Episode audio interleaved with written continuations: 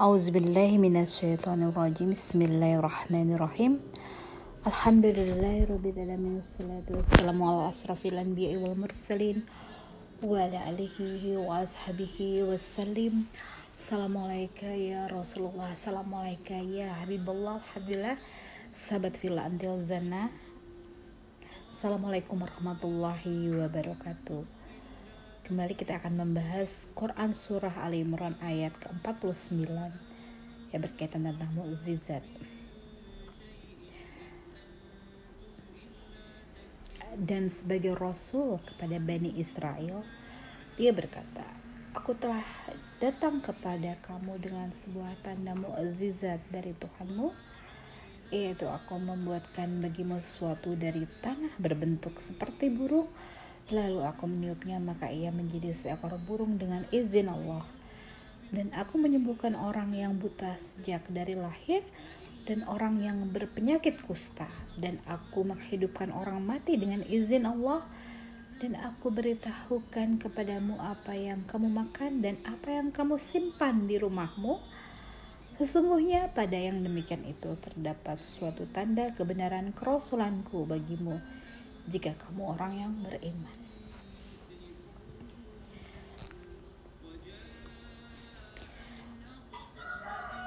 Mukjizat sebagai tanda kerasulan. Ini dikatakan ayat ini kepada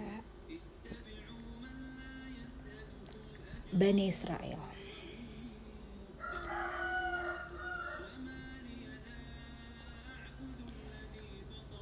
mukjizat Allah berikan untuk meyakinkan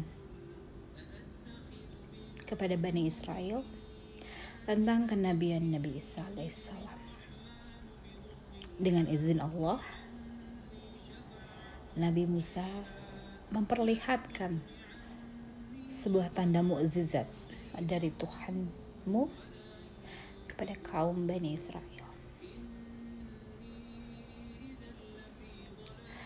saat membaca ayat ini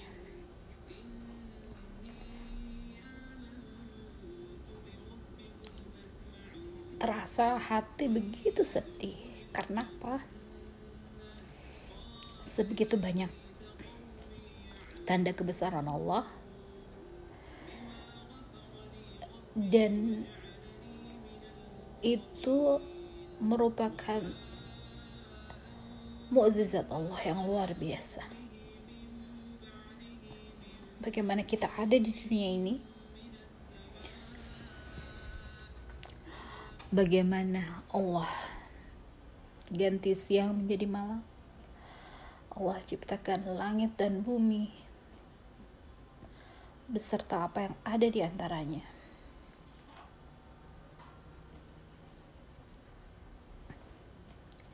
Bagaimana Allah ciptakan kita yang bersuku-suku bangsa? Berbeda ragam warna kulitnya, berbeda bahasanya, berbeda parasnya. Dan satu sama lain tidak ada yang serupa. Allah ciptakan kita yang berpasang-pasangan.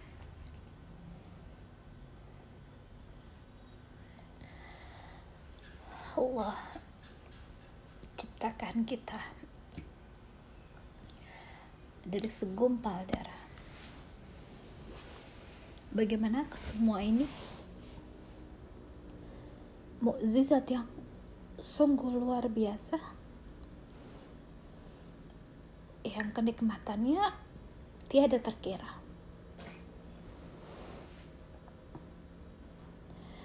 Atas segala apa yang Allah beritahukan kepada hamba-hambanya tentang mukjizat sebagai tanda kenabian. Untuk lebih yakin bahwa Nabi Isa adalah utusan Allah.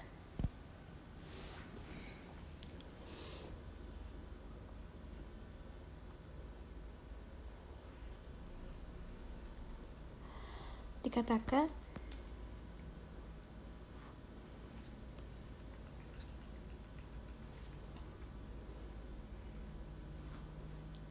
jika kamu orang yang beriman.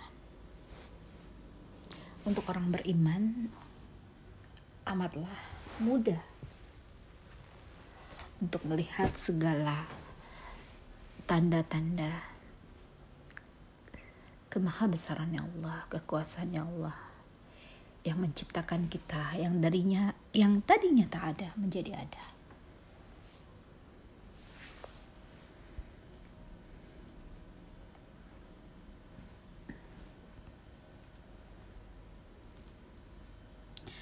Apa yang Allah tunjukkan kepada Bani Israel?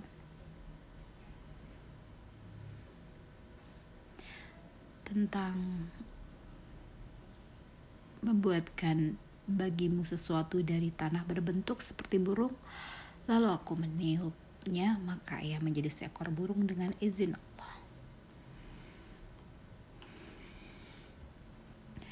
Ini adalah keadaan di mana yang tak lazim manusia lakukan, namun bisa Nabi Isa lakukan.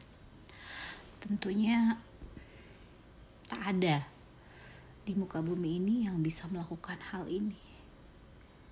Namun dikatakan di sini dengan izin Allah. Agar Bani Israel menjadi yakin bahwa Nabi Isa adalah utusan Allah.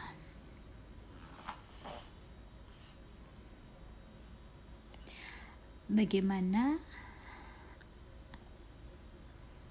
Nabi Isa menyembuhkan orang yang buta sejak dari lahir dan orang yang berpenyakit kusta.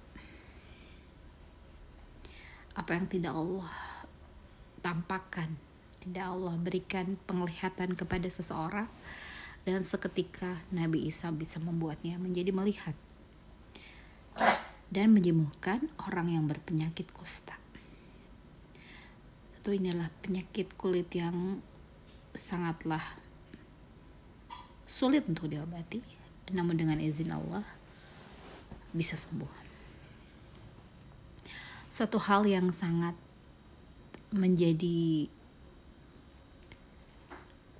mata ini menjadi terbelalak atas apa yang kita lihat yang yang tadinya bagi mereka tidak mungkin dengan izin Allah menjadi mungkin atas mukjizat yang Allah berikan kepada Nabi Isa untuk meyakinkan Bani Israel bahwa Nabi Isa adalah utusan Allah.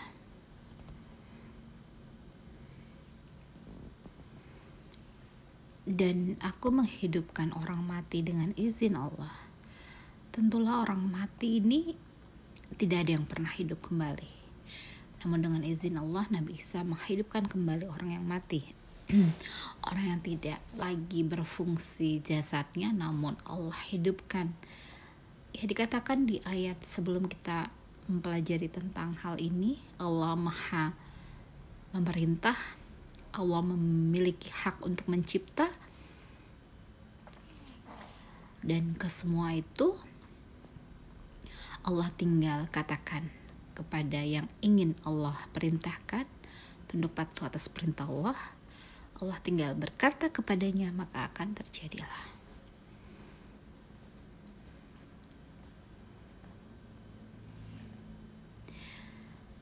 Dan aku beritahukan kepadamu apa yang kamu makan dan apa yang kamu simpan di rumahmu. Apa yang di dalam tubuh kita Allah mengetahui apa yang berada di dalamnya dan apa yang tersimpan di dalam rumah. Ya, bahwa penglihatannya Allah tak seperti kita yang bisa yang yang tidak bisa menembus ya sesuatu yang melebihi dari batas kemampuan mata kita namun Allah bisa menembus sampai dengan di dalam tubuh kita terdapat apa dan apa yang terdapat di dalam rumah kita yang kita tidak ketahui kalau kita tidak masuk. Artinya Allah bisa melihat ya ke dalam suatu materi yang paling terkecil yang ada berada di dalam tubuh manusia dan yang ada berada di dalam rumah kita. Apa yang kita simpan apa yang berada di dalam tubuh kita Allah mengetahuinya Sungguhnya pada yang demikian itu terdapat suatu tanda kebenaran kerasulanku bagimu jika kamu orang yang beriman.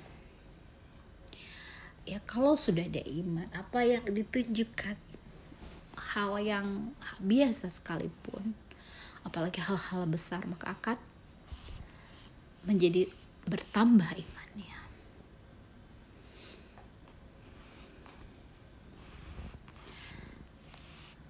sebagai orang yang beriman atas keberadaan kita di dunia ini. Atas segala nikmat yang Allah berikan kepada kita. Itu menjadi suatu tanda kemahabesaran Allah.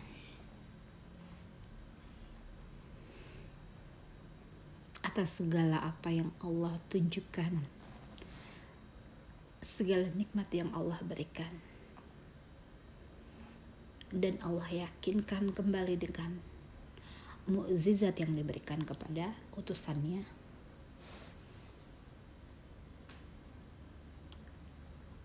Ini menunjukkan bahwa Allah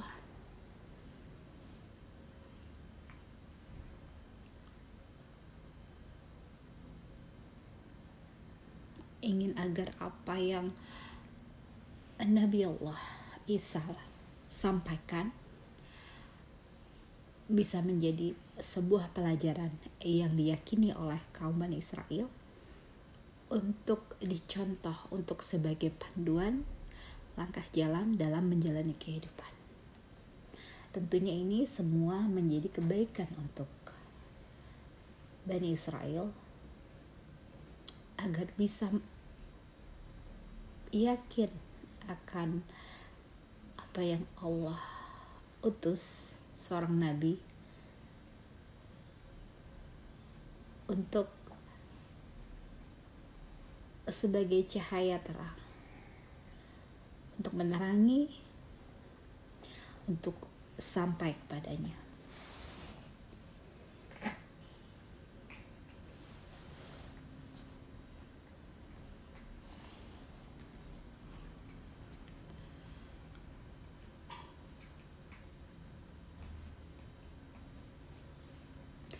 sedemikian. Allah memberikan satu tanda kebesarannya dengan memperlihatkan mukjizatnya untuk lebih meyakinkan akan apa yang nantinya akan diucapkan oleh Nabi Isa alaihissalam yang membawa kalam-kalam ilahi berupa hikmah dari apa yang Allah ajarkan kepadanya yaitu kitab Taurat dan Injil. Pada ayat sebelumnya telah dibahas seperti itu.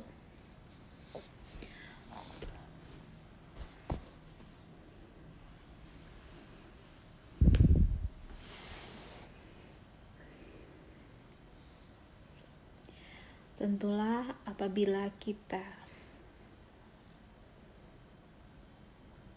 ya tidak berfokus kepada apa yang Allah tunjukkan yang sungguh itu adalah suatu perbuatan yang tidak bisa dilakukan oleh manusia biasa namun atas segala ajaran pokok-pokok ajaran yang Nabi Isa bawakan, apa yang terkandung di dalamnya itu adalah sebuah tanda kebesaran Allah. Bagaimana apa yang disampaikan tentunya dapat dibuktikan membuat kehidupan menjadi nyaman. Sebuah redaksi dalam untayan bait-bait kalam ilahi yang memiliki makna hikmah yang membuat kita menjadi lebih kaya akan ilmu yang yang tadinya kita tidak tahu sama sekali akhirnya kita mengetahuinya itu adalah sebuah tanda yang apabila kita cerna dengan baik dan semuanya itu adalah suatu kebaikan teruntuk kita diuji sedemikian apa pun dalam bentuk ujian apa pun bahwa yang Allah hamparkan berupa hikmah-hikmah pelajaran apabila dalam menjalani kehidupan ini maka yang akan kita rasakan adalah kita menjadi hidup menjadi tenang tahu akan tujuan dan tahu mana yang tentunya tidak baik teruntuk kita dan mana yang harus kita pilih. Mengasah sisi dalam diri kita bagaimana kita memilih jalan apa yang kita akan pilih ya tentunya untuk kebaikan